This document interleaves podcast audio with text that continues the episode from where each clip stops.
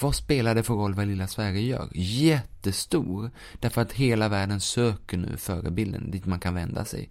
De söker den permanenta världsutställningen att hitta klimatlösningar i. De söker den globala helpdesken att få klimatsvår när man hör av sig till. Då behövs det någonstans i Sverige den fotbollsklubben som är dit all världens fotbollsklubbar ska vända sig till. Tyvärr var det ett lag jag inte alls hejar på, MFF, som, som kanske tydligast och tidigt var ute där och sa att vi ska bli den fotbollsklubben. Jag var i Huddinge kyrka häromveckan. De sa att ja, men om vi ska bli förebild i Sverige, då måste det finnas någon som är den bästa klimatkyrkan i Sverige, som man hela kan vända sig till. Så det där eh, tycker jag är svaret. Allt det där snacket om att vi är för små för att göra skillnad, det är verkligen bara snack. Vi kommer att lösa klimatkrisen, men det kommer att vara i slutminuten. Det är Mattias Goldman övertygad om. När det här avsnittet spelades in var det högsommar och värmebölja. Mattias satt i shorts och jobbade för fullt på sin nya bok som skulle in i augusti. Och det var ännu inte känt att han under hösten skulle lämna sitt vd-jobb på den grönliberala tankesmedjan Fores och istället bli hållbarhetschef på Sweco. Mattias Goldman är en flitig debattör i den svenska klimatdebatten och han har fått flera utmärkelser för sitt klimatarbete. Men efter 20 år som miljökommunikatör så är det en självkritisk Mattias vi möter i dagens avsnitt. För hur kunde 20 år av klimatkommunikation gå så fel? Det här är Klimatekot med mig Elin Leijonberg.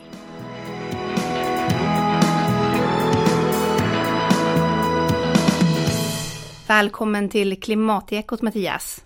Stort tack för det. Kul att ha dig här. Jag tänkte att du ska få börja med att berätta. Du har ju fått flera olika utmärkelser. Men sen så har du också, eh, har franska regeringen dubbat dig till riddare för ditt klimatarbete. Hur går det där till? Själva dubbningen trodde jag ju faktiskt skulle vara, du vet så här med bredsidan av ett svärd. Men det var det inte, utan eh, ambassadören hade en slags väldigt stor medalj på, på en kudde och sen fästes det på bröstet på mig. Men, men det häftiga var ju just det där att inför Parisavtalet så jobbade vi på Tankesmedjan Fores och eh, jag själv mest mycket tillsammans med franska eh, ambassaden och som deras dåvarande ambassadör var Frankrikes tidigare klimatambassadör. Så vi jobbade väldigt mycket med att få med näringslivet i Sverige och i Norden och i övriga världen också på ett klimatavtal. Och jag hade en pytteliten pusselbit av, en, av ett gigantiskt pussel i detta. Men det var ju verkligen helt avgörande för att vi fick ett Parisavtal, att näringslivet var så på. Och då när franska regeringen och, och, eh, president Macron bestämde sig för att ge mig detta så var det extra värdefullt för mig därför att min pappa bor eh, i Frankrike med sin franska fru och eh, den delen av familjen har egentligen aldrig riktigt fattat vad jag håller på med. Tankesmedja finns inte ens på franskas mord. Så jag är inte säker på att de fattar det nu heller, men, men de fattar åtminstone att andra har förstått att, att vi kämpar på så gott vi kan i den här frågan. Det måste vara rätt häftigt ändå att få en sån utmärkelse. Jo men det var det. Sen tas man snabbt ner på, jord, på jorden igen och vardagen eh, är ungefär som vanligt efter det. Men det har öppnat en del dörrar, absolut, inte minst i fransktalande länder. Och eh, det är alltid, alltid värdefullt när man vill komma in i styrelserum och ledningsgrupper att ha någonting sånt där med sig. Det kan, det kan öppna dörrar. Du har också jobbat med klimatprojekt i Kenya. Berätta lite mer om det. Ja, det var häftigt faktiskt därför att eh, jag var konsult på en PR-byrå som heter Vestander, jobbade mycket med klimatprojekt och tog med mig det till en början till Kenya när min fru eh, fick jobb som biståndsarbetare där. Men efter ett par veckor att ha suttit med datorn vid eh, simbassängskanten så kom jag på att det var ju liksom inte därför jag var i Kenya utan jag ville jobba med något på riktigt där. Och då fanns, och den finns ju fortfarande, den här FNs eh, mekanism för klimatkompensation, Clean Development Mechanism. Men då fick man eh, relativt rimligt betalt för utsläppsminskningarna, så det gick att med de pengarna verkligen etablera helt nya och väldigt fina småskaliga projekt för eh, minskad klimatpåverkan. Så bland annat så etablerade vi i kenyanska byar soldriven vattenrening med svenska företaget eh, Solvatten. Eh, som ju då dels betydde att man fick klimatnyttan av att man annars hade huggit ner träd som faktiskt inte återplanteras i Kenya, utan de är att betrakta som fossila. Men dels fick man också en fantastisk nytta hälsomässigt därför att man använder annars jättedålig ved inomhus för att elda och blir fruktansvärd inomhusmiljö och dessutom så eh, använder kvinnorna många timmar om dagen på att samla den där eh, veden som de nu kan använda på ett bättre sätt.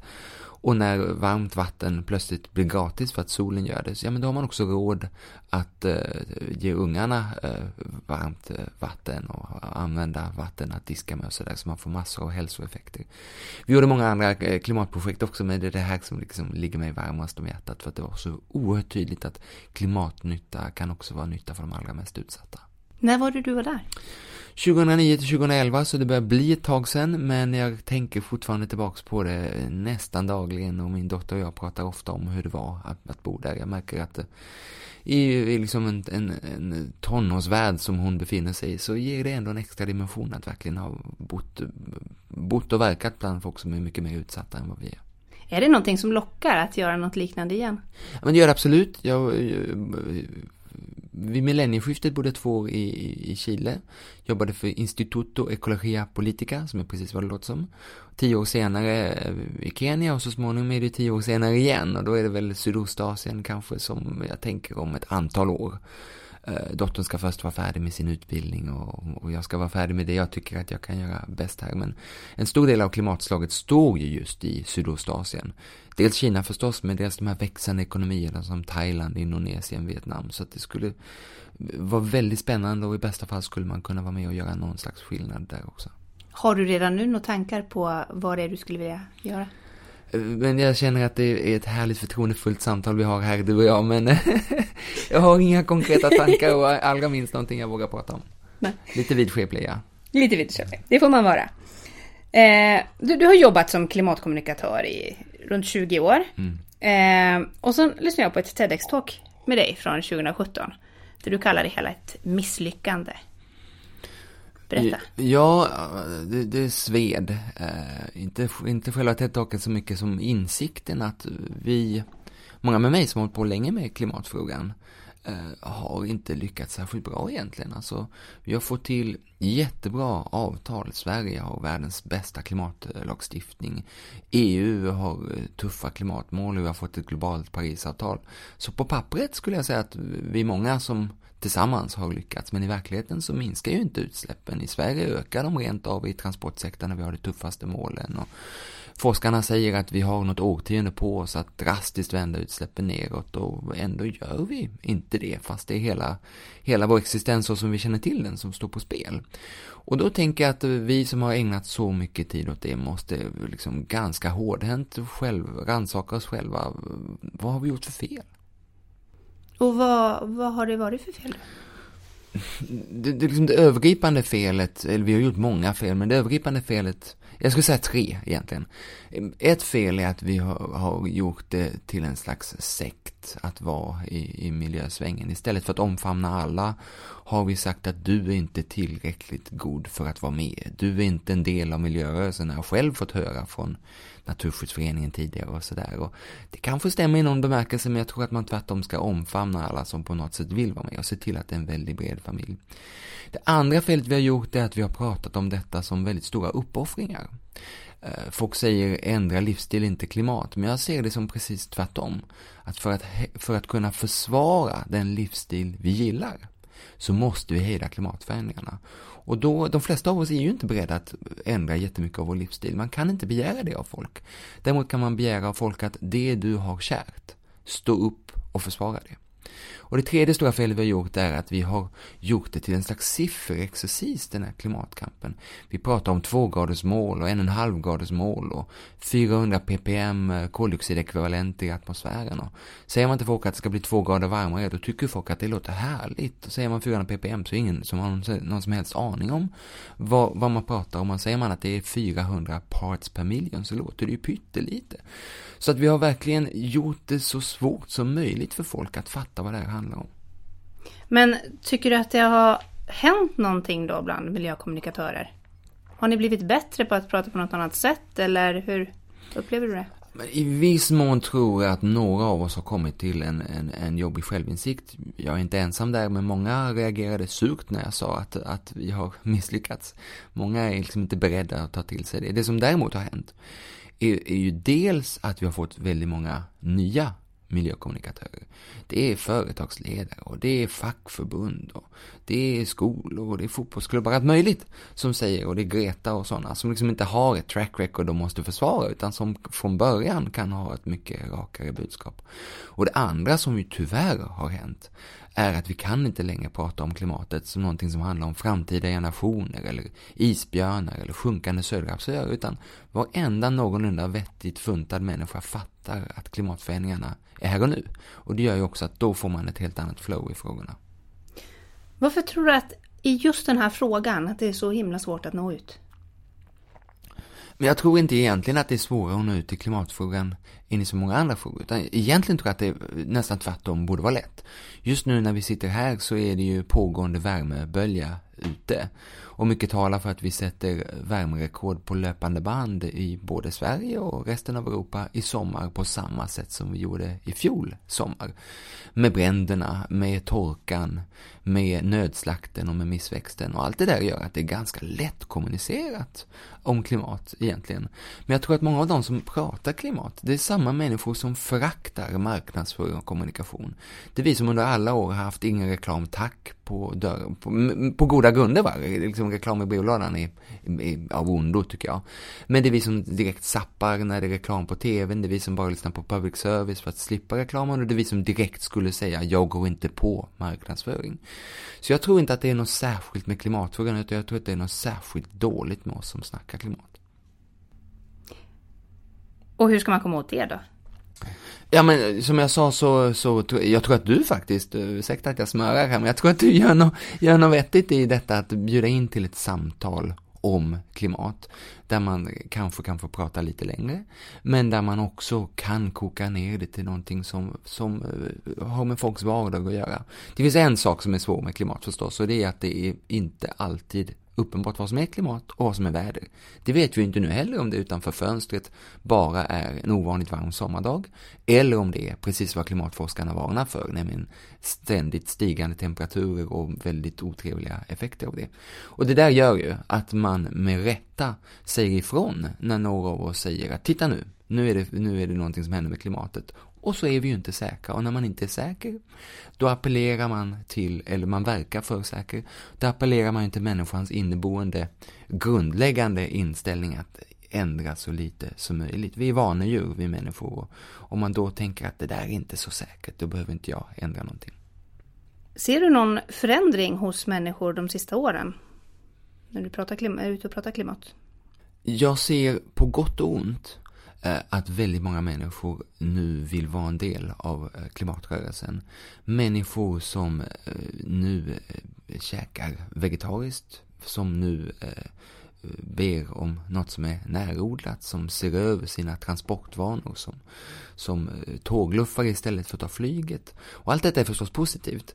Men samtidigt är det ett tecken tyvärr på att väldigt många är oroade eller rent av besvikna på att politiken inte levererar.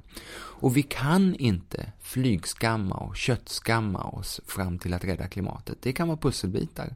Men det största ansvaret ligger ofrånkomligen på politiken att se till att styrmedlen eh, gör rätt. De största utsläppen står inte grillen eller bilen eh, enskilt för, utan de står drivmedlen och de övergripande infrastrukturerna för. Och där är jag väldigt, väldigt orolig att eh, man till slut när man ser hur bråttom det är i klimatfrågan, att många håller med Greta när hon säger att hon ser ingen skillnad mellan de olika partierna.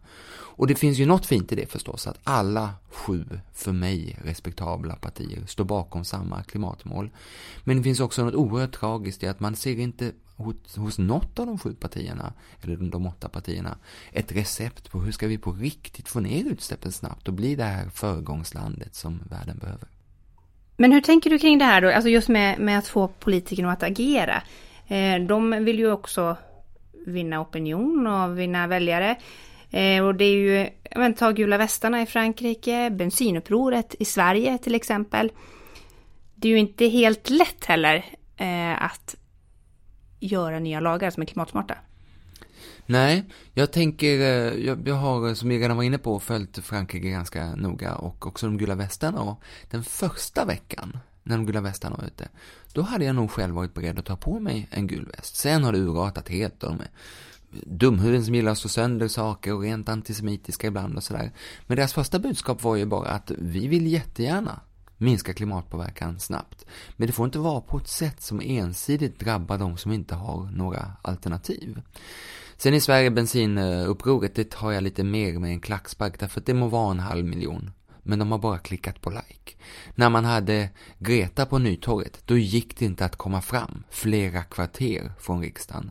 När man hade bensinupproret på Nytorget, ja men det, man var tvungen, de var tvungna att ha med sig sina husdjur för att de ens kunde fylla ut en bild när man zoomade in på dem. De var så väldigt, väldigt få där. Så att jag tror inte att det finns någon större styrka i just det, men det finns ett jätteviktigt budskap i att klimatomställningen som är akut, den måste ske på ett sätt som upplevs som rättvist, annars så kommer vi inte att kunna agera tillräckligt snabbt. Och här är jag mycket orolig över, över våra, våra vänner i, i, i partierna.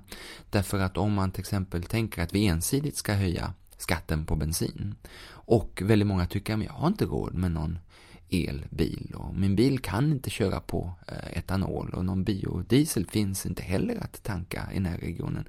Ja, då tycker ju folk att det här drabbar vanligt hederligt folk som gärna vill vara med i klimatkampen men som inte vill ställa klimatarbetet mot möjligheten att med den sista hundringen kunna gå på bio med ungarna eller sista tusenlappen kunna köpa fotbollsskor åt dottern. Så vi får inte ha den eh, konflikten den är inbyggd tyvärr i vad politiken är på väg nu.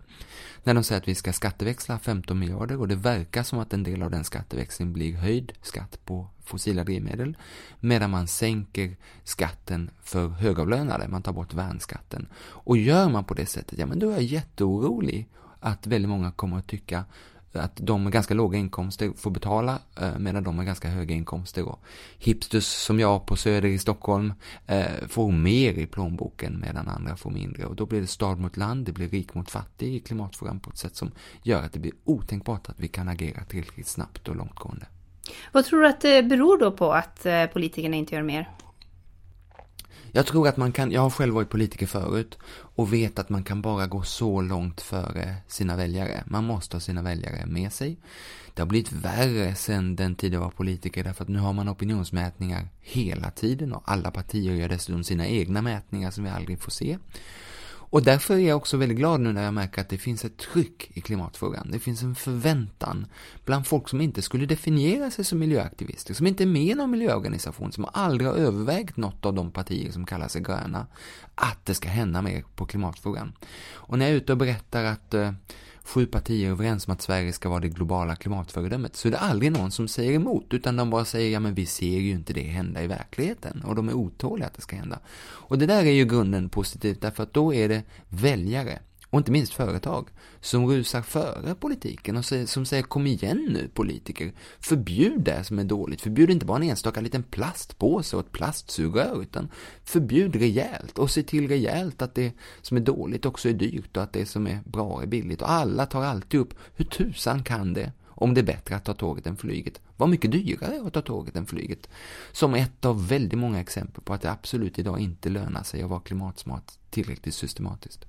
Vi möter ändå rätt många människor och man, man eh, ser framförallt kanske i sociala medier och sådär också. En frustration som människor känner när de möter argument som att klimatförändringar finns inte eller att eh, det är inte så farligt som vi tror. Eller som bara helt enkelt har givit upp, som har accepterat att ja men det finns men vi kommer ändå inte kunna göra någonting åt det. Eh, hur hanterar du sådana här argument? Jag är jätteorolig att man gör som beteendevetarna eh, brukar säga är vanligt. Man går direkt från förnekelse till förtvivlan.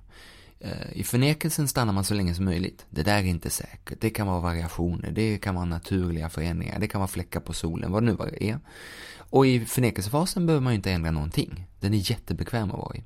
Och till slut så för de allra flesta så är det numera ohållbart att vara i den. Vi ser några äldre herrar som är kvar där. Och de hjälper oss andra därför de tvingar oss att kolla varenda fotnot lite noggrannare och verkligen ha på fötterna för varenda påstående. Så de, de är så få så de påverkar inget annat än att de tvingar oss att skärpa oss lite.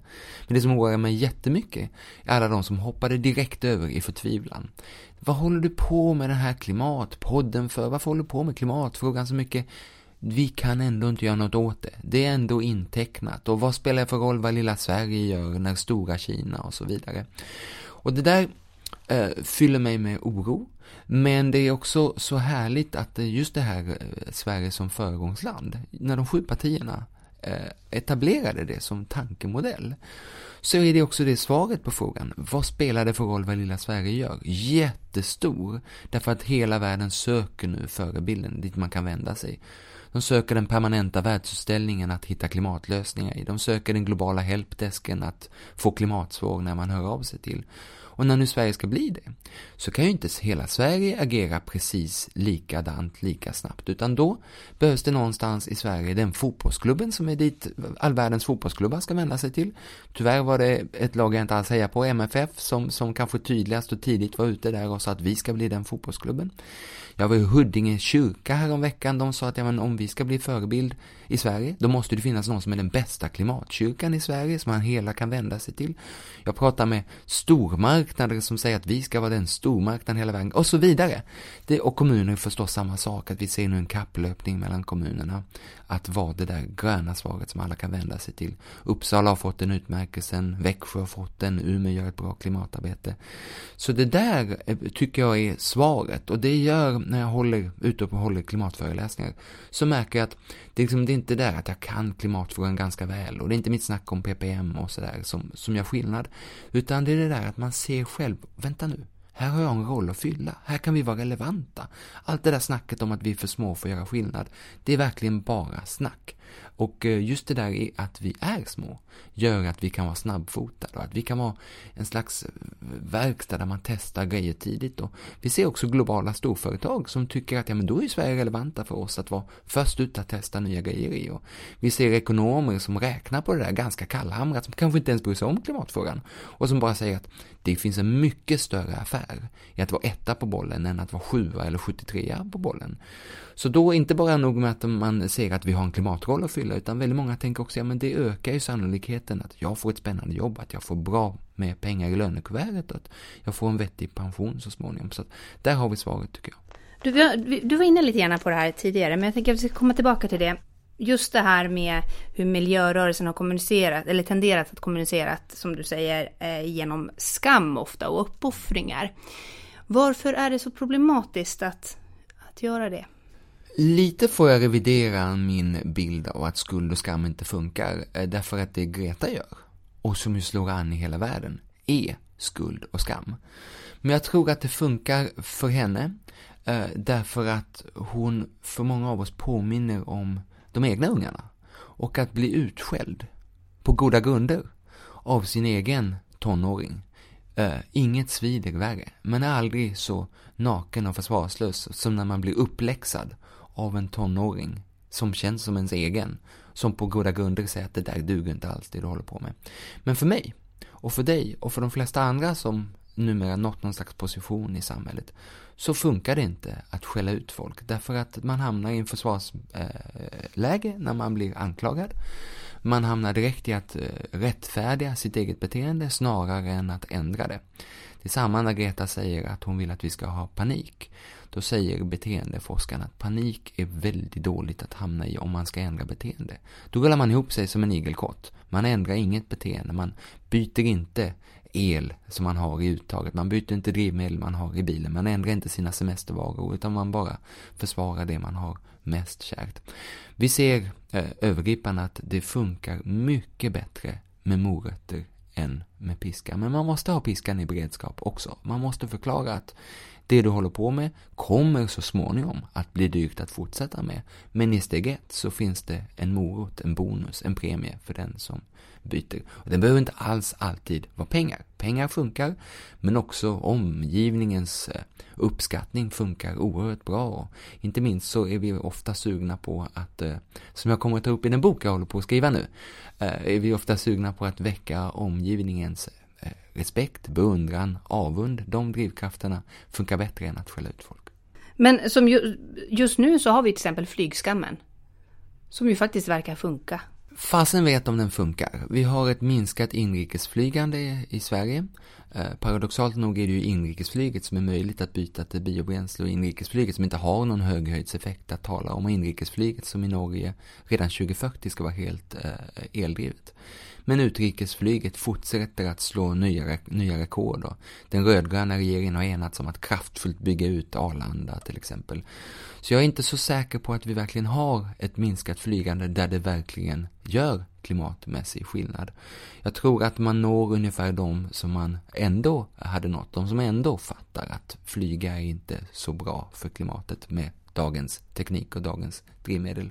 Men det är jätteroligt att vi har en tågboom och att folk just nu medan vi sitter och snackar här ute och tågluffar i Europa. Också därför att man möter människor på ett helt annat sätt om man tar tåget än om man tar flyget.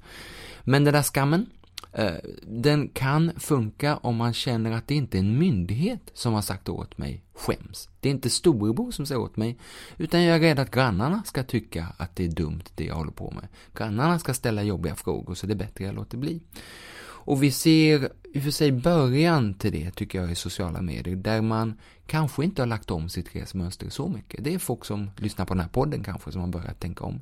Men när man redan nu inte skryter så mycket om sin Thailandssemester och lägger man ut bilder från Thailandssemestern så ser man eh, att det ger mycket färre likes än förut och kanske en och annan försiktig fråga om det nu när det är så himla varmt där hemma verkligen var så nödvändigt att resa så långt för sol och salta bad.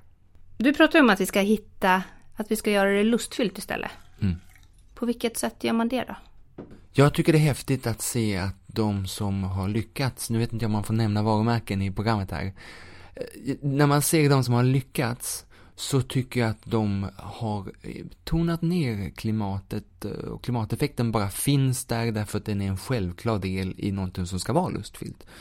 Vi ser Tesla som bara berättar att det här är den bästa, häftigaste, snabbaste, eh, mest statusfyllda bil du kan ha nu för tiden. Sen har den inte ens något avgasrör och de tar ansvar för batteriernas klimatpåverkan och de har solceller på fabrikerna och allt sånt där. Men klimat är inte en del av deras marknadsföring. Vi ser eh, bilpoolerna som förut sa gå med i en bilpool och rädda klimatet. Då gick ungefär jag med. Numera säger de bil bara när du vill bil bara när du behöver. Slipp besväret med att skatta och besiktiga och försäkra och leta parkeringsplatser och tvätta och tanka. Du har en bil tillgänglig när du behöver och när du inte behöver så behöver du inte överhuvudtaget tänka på den. Och då appellerar man ju till människors önskan att få ett enklare liv i eh, bilpoolsfallet och människors önskan att få ett mer statusfyllt liv eller mer beundran från sin omgivning i, i Tesla-fallet. Vi ser också på hamburgersidan, det ligger en Max-restaurang några hundra meter härifrån och de har fantastiskt goda vegetariska burgare som de inte ens berättar är vegetariska eller veganska. Och de är inte, känns inte superhälsosamma. Man blir lika kladdig om munnen när man äter dem som när man äter köttalternativet. Och till och med Burger King som verkligen inte liksom appellerar till, till eh, hälsofreaksen berättar nu att du kan välja en burgare om du gillar kyckling och en annan om du gillar kycklingar. Då får kycklingarna leva vidare. Så väldigt många av dem har hittat ett sätt att kommunicera som handlar om att det ska kännas bättre att göra rätt. Och så kan man säkert läsa sig till klimatnyttan av att göra detta någonstans. Eller man fattar den intuitivt. Men det är inte den som skrivs oss på näsan. Du håller just nu på att jobba med en ny bok. Som du nämnde. Jajamän. Berätta lite om den här boken. Den heter De sju dödssynderna. Och hur vi genom att begå dem alla räddar klimatet. Och den tar just fasta på detta att eh, det måste vara lustfyllt, det måste vara enkelt. Dödssynderna är, om man nu kommer ihåg dem alla, men några av dem är i alla fall eh, lättja, det är avund, det är lust, det är vällust. Uh, nu kommer jag inte ihåg fler, du får läsa boken. Men, men, och alla de där har ju vi, uh, liksom med en Luther på axeln under århundradena tänkt är jättedumt. Och sen är det sånt som vi i vardagen ändå ägnar oss åt. De beskriver oss människor ganska väl, de här eh, synderna. Och om man kan få synderna att verka för klimatet, eller det är det vi måste helt enkelt, därför att vi har så kort tid på oss i klimatfrågan, att vi kan inte lita på att alla människor ska bli dygdiga och få ett världssamvete, utan vi måste appellera till saker som man ändå vill göra och så ska de gå i klimatets riktning. Kan du ge något exempel då på en dödssynd som går i, som är klimatsmart? Ja, lättjan tycker jag är, är, spännande. Jag var inne på det när vi pratade om bilpoolerna, att eh, det är väldigt klimatsmart att inte ha egen bil utan bli mobilist istället. Man är med i en bilpool, man har ett kollektivtrafikkort, man är med i en cykelpool kanske och man har kanske en lådcykel genom sin bostadsrättsförening och liknande. När bilnycklarna inte bränner i fickan så blir man mycket klimatsmartare, förutom hela den klimatpåverkan det innebär att vi var och en av oss har en bil som står oanvänd 96% av tiden. Och de appellerar ju väldigt, väldigt tydligt till lättjan nu att inte behöva ta ansvar för allt vad det är att, att äga bil. En annan eh, dödssynd som jag också tycker är spännande är, är avund. Eh, där vi vet att till exempel när solceller nu sätts upp på löpande band i Sverige så finns det ett ganska svagt samband mellan var det är bäst att ha solceller ur energisynpunkt. Och ett mycket starkt samband mellan var man sätter upp solceller och var andra redan har gjort det. Någon granne har satt upp dem där, man står över häcken eller över staketet och frågar hur går det där till? Lite avsjukt, har min granne det då vill jag också ha. Man frågar inte hur mycket det kostar, man frågar inte över klimatnyttan. Utan man tycker att det ser häftigt ut, det glänser på grannens tak och man tycker också det är spännande att man får man frågar inte hur mycket ens, men man får pengar från det där energibolaget som man under alla år har tyckt är besvärliga med deras höga räkningar till oss. Så att eh, både lättjan och avunden är två av de drivkrafter som väldigt tydligt redan nu kan verka i klimatets riktning. Det är ju väldigt mycket klimatångest snack just nu. Har du själv någon klimatångest?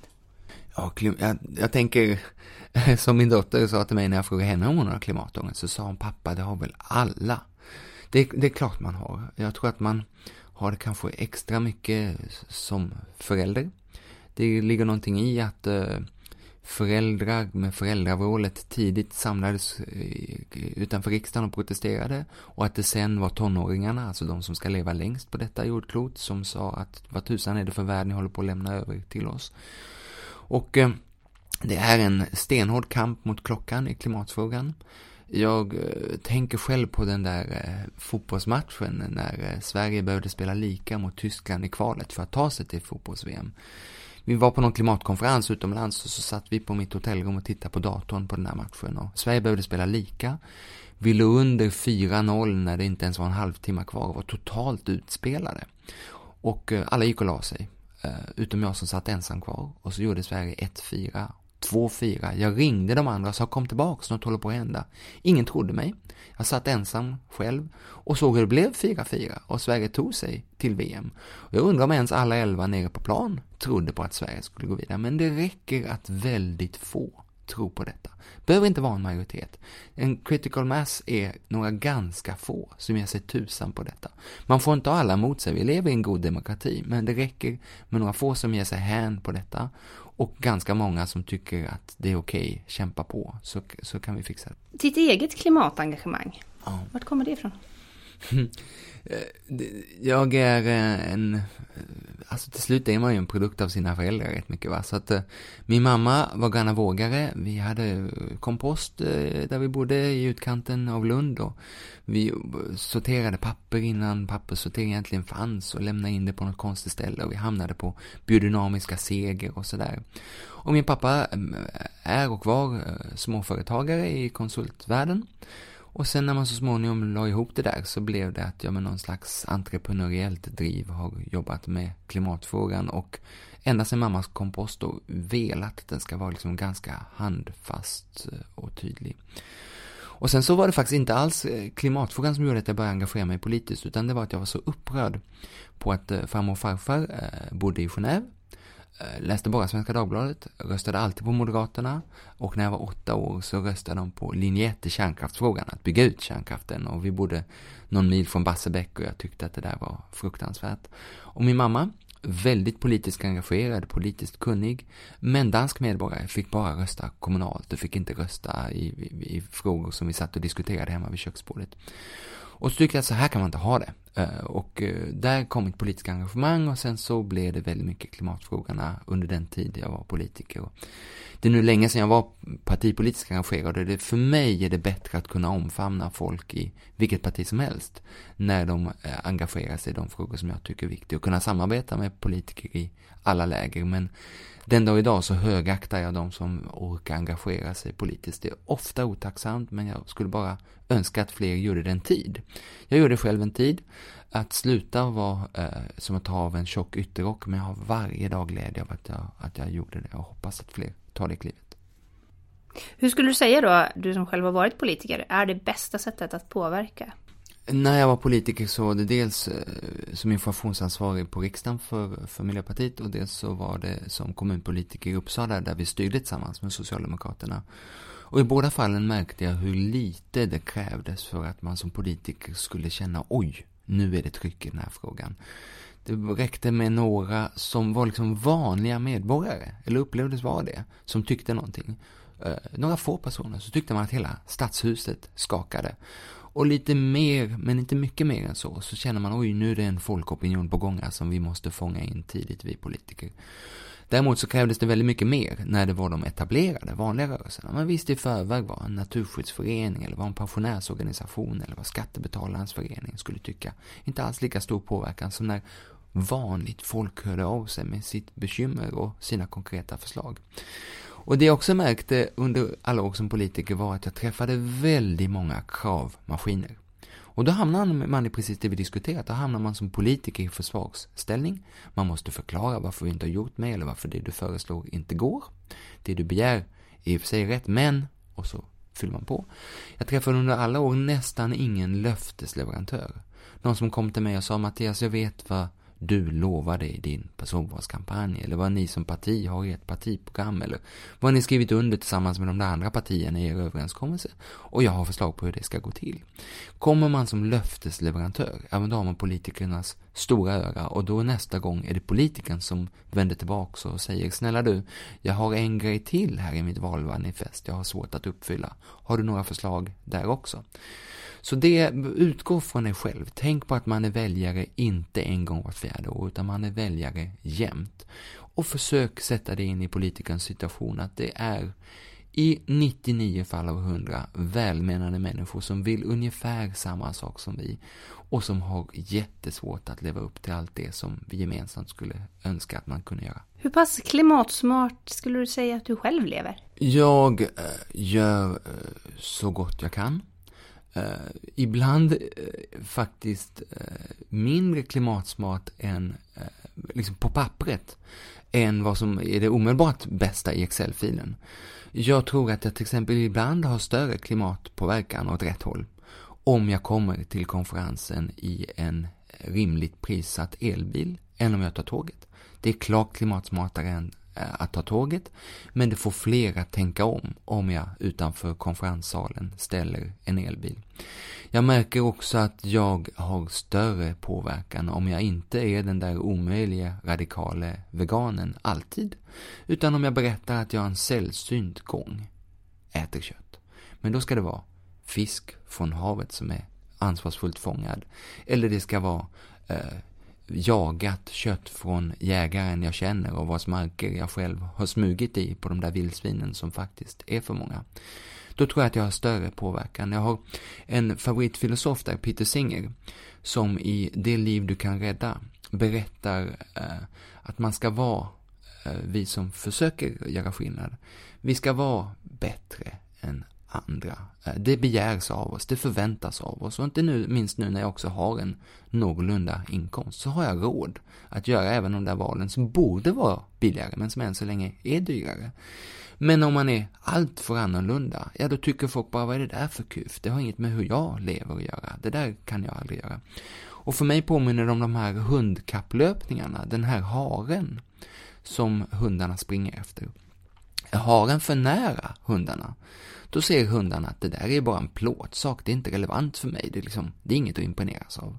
Och jag har den för långt fram, så tänker hundarna, det där kan jag aldrig komma ikapp, jag struntar i det, jag gör något annat istället. Och, så det viktigaste man kan göra är att lägga sig, försöka ligga, med alla ens fel och brister, lagom långt framför andra, så att andra tänker, det där borde jag också testa.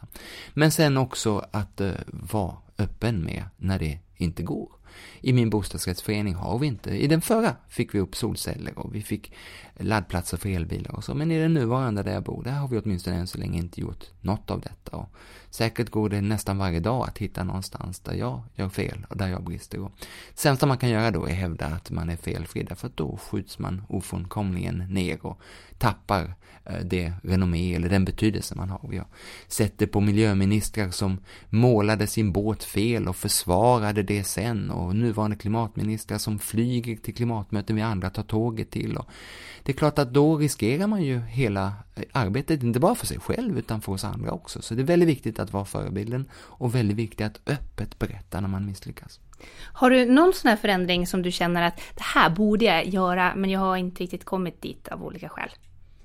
Ja, jag har nog många, men den som ligger närmast till hands är att jag har en kopp kaffe framför mig på bordet och jag, som tur är, hade ingen mjölk här, så det blev ingen mjölk i kaffet, men jag bad om mjölk till kaffet. Det är en typisk grej som mångfaldiga klimatpåverkan av det där kaffet, att ha i den där skvätten mjölk. Och nu så tar jag i och för sig hellre icke-mjölk, Oatly och sådär, va? men ganska ofta blir det av slentrian fortfarande klimatpåverkande produkter hemma i min kyl också. Vad är det som är så svårt att byta ut det då? Det är ju just ingenting som är svårt, utan det är det där att vi är alla vanedjur. Jag är också själv ett vanedjur av gammal vana. När man i många år gått till en disk i butiken så fortsätter man gå till samma disk i butiken. Och eh, sen är det också att, eh, jag tror att det gör skillnad nu att jag outar det för dig. Då tänker jag lite extra nästa gång och jag eh, märker just att det finns ett värde i att outa när man gör fel. Därför att då påminner man sig själv om att eh, det här kan jag göra bättre. Det är, inte, det är inte alls säkert att det där var det mest välvalda exemplet, men det var ett tydligt exempel som jag jättelätt kan ändra på redan nästa gång jag går och handlar. Men jag tänker att det här är också en sån sak som kan skapa ångest eh, och på något sätt också förlamande ångest. Just den här känslan av att det blir aldrig riktigt tillräckligt. Jag gör förändringar och förändringar och förändringar men det finns alltid mer jag kan göra. Och det, man blir som aldrig riktigt perfekt. Folk jagar liksom den optimala plastbantningen där det inte får finnas någon plast i ens liv och så vidare. Liksom. Eh, hur tänker du kring det där? Jag tänker att du sätter fingret på något oerhört viktigt och ett ställe där jag är djupt självkritisk mot mig och mot många med mig i miljörörelsen. Om man tar bilar som ett tydligt exempel så först hade vi en miljöbilsdefinition som inkluderade snåla dieslar. Många som skaffade en snål dieselbil och sa jag har skaffat miljöbil. Och så sa vi miljörörelsen på ganska goda grunder i och för sig, det där är ett fossilt bränsle, det duger inte. Då skaffade man etanolbilar, många gjorde det. Och eh, då sa vi något år senare, det där duger inte, det har allt för hög klimatpåverkan och det finns risker med regnskogen och det finns dåliga arbetsförhållanden på sockerrörsfälten och sådär. Då var det lite färre men ändå ganska många som skaffade biogasbilar och då blev de utskällda efter ett tag för det där är fortfarande en ineffektiv förbränningsmotor och kan vara metangasutsläpp i produktion, jag vet inte allt man hittade på. Och sen så var det fortfarande något färre för man tappar folk längs vägen men några börjar nu skaffa elbilar och tycker att de gör något bra. De gör något bra. Men nu börjar också de bli utskällda för hur är det med kobolten i Kongo, hur är det med klimatpåverkan av batteriproduktionen. Och längs vägen så tappar ju folk hela tiden som tycker att det spelar ingen roll vad jag gör så blir jag ändå bara utskälld i alla fall. Och till slut tröttnar man, därför att inget duger ju tydligen. Och där tycker jag att det blir så viktigt att vi får inte skälla ut den som försöker. Däremot så tycker jag det finns så spännande i att själv när vi nu ser en en rörelse där så väldigt, väldigt många vill vara med och göra skillnad. Att berätta att i nästan varje val vi gör i butiken, eller vi gör framför datorn när vi beställer saker, eller vi gör i vårt elavtal, eller vi gör på jobbet när vi sitter med medarbetarsamtal och vi, vi fikar stunden. Vid nästan varje tillfälle går det att göra ett grönare val. Och det är ju i grunden så häftigt därför att folk kan storkna över den enorma utsläppsminskning vi ganska snabbt måste göra. De siffrorna på hur mycket vi måste minska känns ju som att vadå? Ska jag göra om allt? Och sen går man och tar en burgare på max med 80% minskad klimatpåverkan eller till och med mer därför att det är en grön burgare som är klimatkompenserad hela vägen och märker knappt någon skillnad. Eller man är med i en bilpool och bara tycker att det är bekvämare. Eller man kryssar i 100% vind eller solkraft i sitt elavtal och det kostar bara något enskilt öre mer. Liksom på område efter område ser man att det kostade inget mer, det var inte jobbigare, det kanske bara smakade bättre och gjorde mitt liv enklare. Och då tror jag många tänker, ja men vad tusan, då vill jag också vara med i den här omställningen och då kanske de där till en början nästan ouppnåeliga minskningarna på 70 procent eller vi ska till och med ner i mindre än noll i Sveriges klimatpåverkan. Så ser man, men, men fanns det så många enkla val kvar att göra, ja men då kanske det här kan gå vägen. Du jobbar för ett eh, fossilfritt samhälle. Mm. Eh, hur tänker du att vi ska nå dit? Jag tänker att delar av det blir svårt. Jag tänker att den sista rännilen fossilt kan vi ha. Jag vill inte rusa in på sjukhuset och säga att de där blodpåsarna ni har får inte ni ha därför att de är gjorda av fossilplast. Utan vi måste bli väldigt, väldigt smartare på att allokera det fossila vi kan tillåta oss till ställen där det inte går att byta. Och så börjar vi med att byta på de områden där det bara är lika bra eller rent av bättre att inte använda det fossila.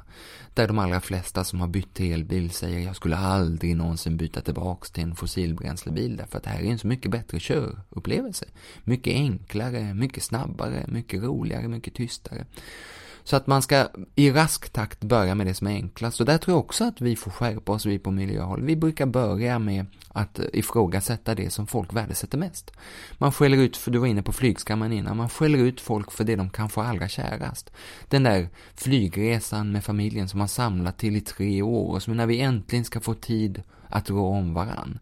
Den måste också ifrågasättas och den behöver inte vara till Thailand. Det, man mer än halverar klimatpåverkan om den går till Mallis och man minskar den med 90% om den går till Gotland istället.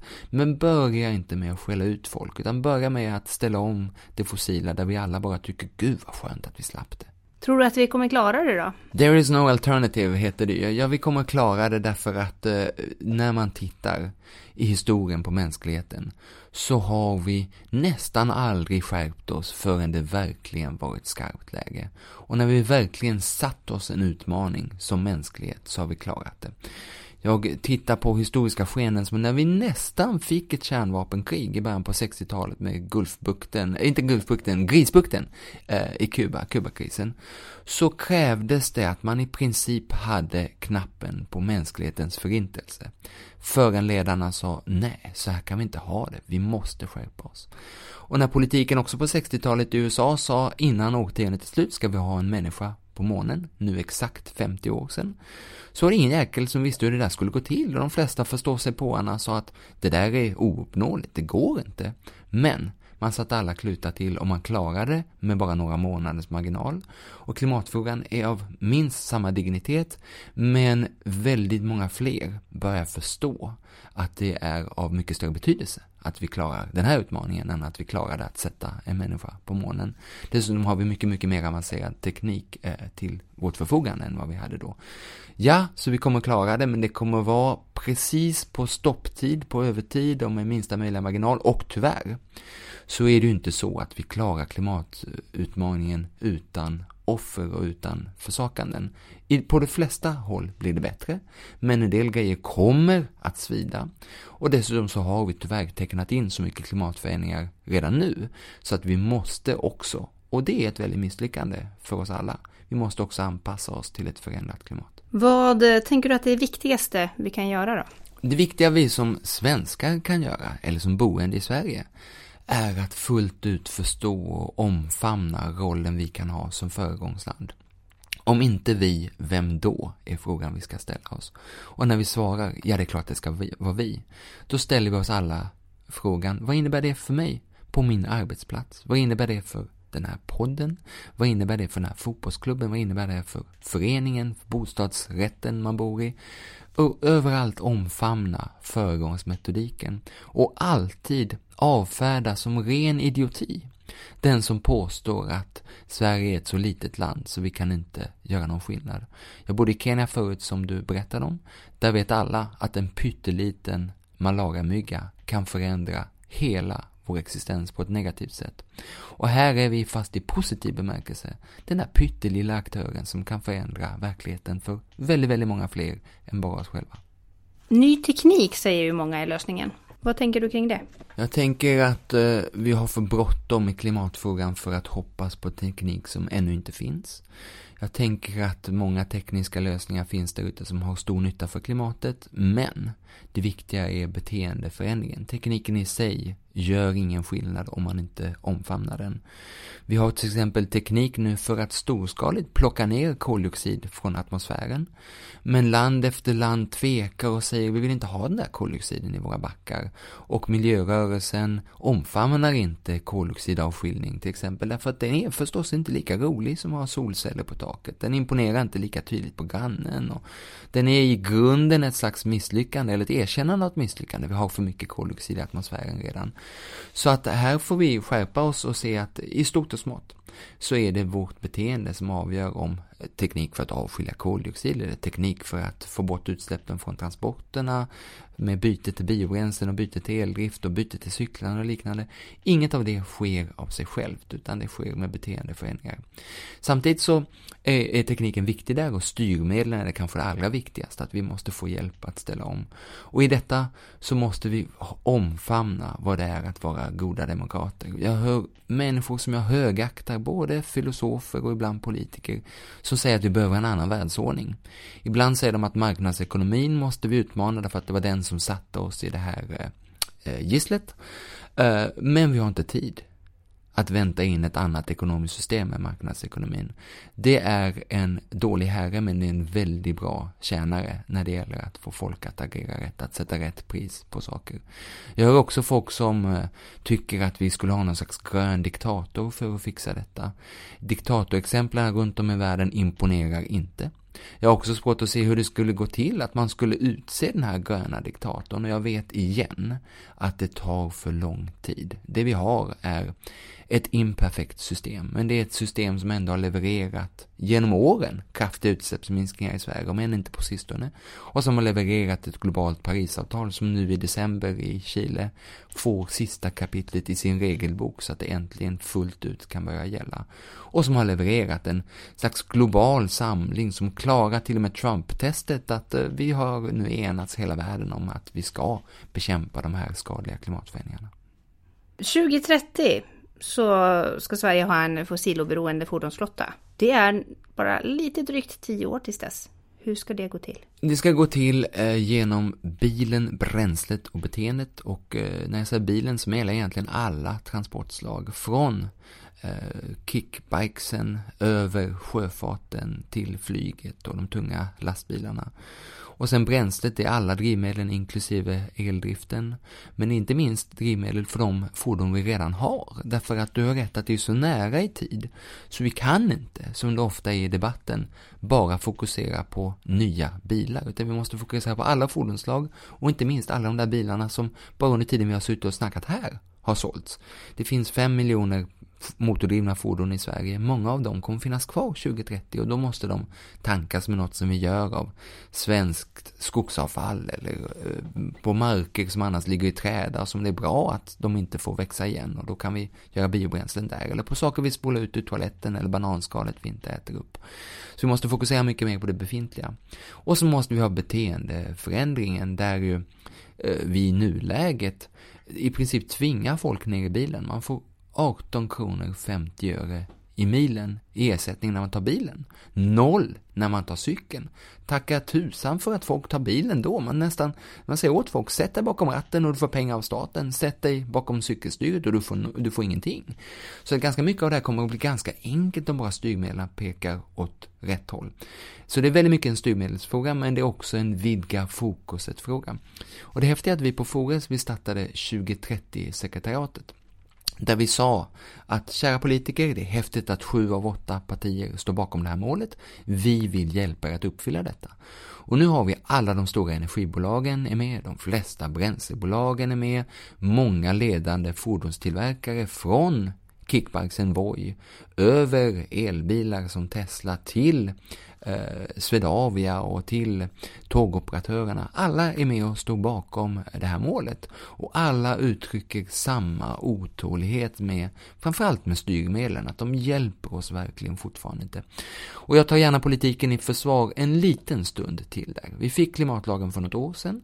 Sen fick vi eh, att klimatpolitiska eh, rådet ska ta fram rekommendationer vad man ska göra. Och nu får vi från politiken den första klimatfärdplanen. Men där tar också mitt tålamod slut. Om inte den färdplanen på riktigt visar med en slags back, backcasting. Där ska vi vara 2030 som du nämner. Vad krävs då 2026, 2022 och så vidare? Och du har jätterätt i att det är superbråttom. Ska vi ha stora biogasanläggningar på plats? Ska vi elektrifiera vägarna eller så? Ja, men då är det löptider på 8, 10, 12 år som, som, eh, som gör att vi måste sätta igång nu. Och en del av det vi hör som lösningar till exempel höghastighetståget. Det är ju per definition inte lösningar därför att de invigs 2040, 2045 någonstans och det här målet är för 2030 och till 2030 innebär ett eventuellt höghastighetståg bara ökade utsläpp. Det betyder inte att jag är emot det, men det betyder att den som vill ha ett höghastighetståg har ännu mer utsläppsminskningar att göra i närtid för att kunna försvara den fullständigt enorma klimatpåverkan det innebär att lägga betong mellan Sveriges tre största städer för att det ska gå nya höghastighetståg där. Så att man måste besinna sig och fokusera på det som ger nytta i närtid. Eh, om man tar just elbilar, eh, så de är ju, dels är de ju väldigt dyra i inköpspris. Det är ju inte vem som helst som kan gå och köpa sig en elbil. Och sen är ju andrahandsmarknaden, den är ju hyfsat icke-existerande får man ju säga. Så tänker jag att det, blir, det går snabbt framåt i tekniken och det börjar produceras fler elbilar, de blir billigare. Eh, vad blir värdeminskningen på en elbil och så vidare. Tror du att elbilen har en framtid? Tills nyss var det ju så att elbilen blev ganska snabbt lite värd därför att nästa generation elbilar var så väldigt mycket bättre. Det där är över nu därför att eh, elbilarna har nu blivit så pass bra. De har en räckvidd vi klarar oss på. Och de har, vi är inte oroliga för att batterierna slits ut längre, utan vi vet att tvärtom har batterierna ett second life när bilen i övrigt är uttjänt. Och inte minst har vi en enorm pull från Norge som ju bara, eh, liksom vi får med näbbar och klor försvara att elbilarna stannar i landet därför att de köps upp av norrarna, så gasbilarna köps upp i, i Tyskland. Och då får vi aldrig en fossiloberoende fordonsflotta om allt begagnat lämnar landet. Men du har rätt i att eh, vi måste se till att det finns rimligt prissatta eh, fordon som inte är fossildrivna för oss alla. Och där tycker jag att vi har slarvat bort att vi hade världens snabbaste omställning från fossilt till förnybart för några år sedan, metanolsatsningen, som till en början inte var hållbar fullt ut, men nu är den det. Vi har fått ordning på den där etanolen. Vi eh, fick sen världens snabbaste omställning tillbaks, från förnybart till fossilt när folk sa att det där etanolen duger nog inte och vi prissatte den så högt så att de flesta etanolbilar har under en tid nu gått på bensin. Och vi har biodiesel som man med rätta ställer tuffa frågor, hur är det med kopplingen till palmoljan där? Men när man glömmer bort att vi när man tankar eh, biodiesel i Sverige, så kommer mycket av det redan nu från svensk skogsavfall och skapar jobb i svenska glesbygdskommuner uppe i norr. Så att eh, vi ska omfamna det vi har och se till att den som vill vara med i omställningen inte behöver gå till banken och be om ett lån på en halv miljon och uppåt för att få sig en Tesla som kan få många symbolisera omställningen med. Men så är det inte utan det finns rimligt prissatta elbilar, finns möjlighet att vara, ha tillgång till elbil utan att äga en elbil och det finns inte minst möjlighet att vara med i det fossiloberoende utan att det måste vara eldrivet. Det verkar ofta i debatten som att svaret på klimatfrågan alltid är en elbil. Så är det ju inte alls, utan väldigt många eh, kommer i framtiden att göra något helt annat än att köra bil tror jag. Man kommer koppla upp sig istället för att köra iväg till det där mötet. Man kommer att ta cykeln längre sträckor när den går på el och förhoppningsvis tillåts köra mer än 25 km i timmen i framtiden och när elmopparna helt konkurrerar ut fossilmopparna. Och man kommer att ta eh, tåget mer i framtiden. De här normala vardagssträckorna som är så mycket viktigare än de långväga sträckorna man åker någon gång per år.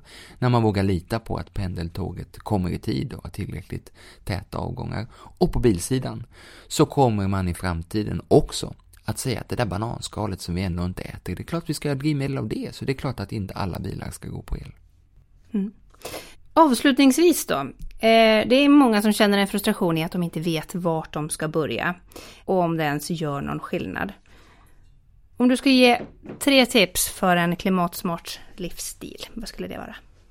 För det första, börja med sånt som inte känns som en uppoffring utan som känns kul. Har man råd så kan det vara solcellerna som imponerar på grannen eller det kan vara att gå med i en bilpool istället för att eh, äga en bil om, om ens vardagssituation tillåter det. För det andra, gå på någon slags ryggmärgskänsla och du kommer i åtta fall av tio att ha rätt. Det är inte alltid säkert att flergångsmuggen är bättre än engångsmuggen och det är inte alltid så att eh, flyget är sämre än tåget eller sjöfarten och det är inte alltid så att köttet är sämre än grönsakerna. Men det är tillräckligt ofta så, för att man ska kunna ha det som en tumregel och då får man stå ut med att någon någon gång kan visa i något diagram att just den här gången var det fel, men, men omfamna det. Och för det tredje, försök inte vara perfekt, men försök ständigt vara lite bättre än vad du var i fjol och kanske lite bättre än de andra i din omgivning så att man kan vara det goda föredömet utan att vara perfekt. Ingen av oss är perfekt, jag är det absolut inte, men alla av oss kan göra det lite bättre imorgon än vad vi gjorde igår. Stort tack för att du kom Mattias. Stort tack för att ni gör det här.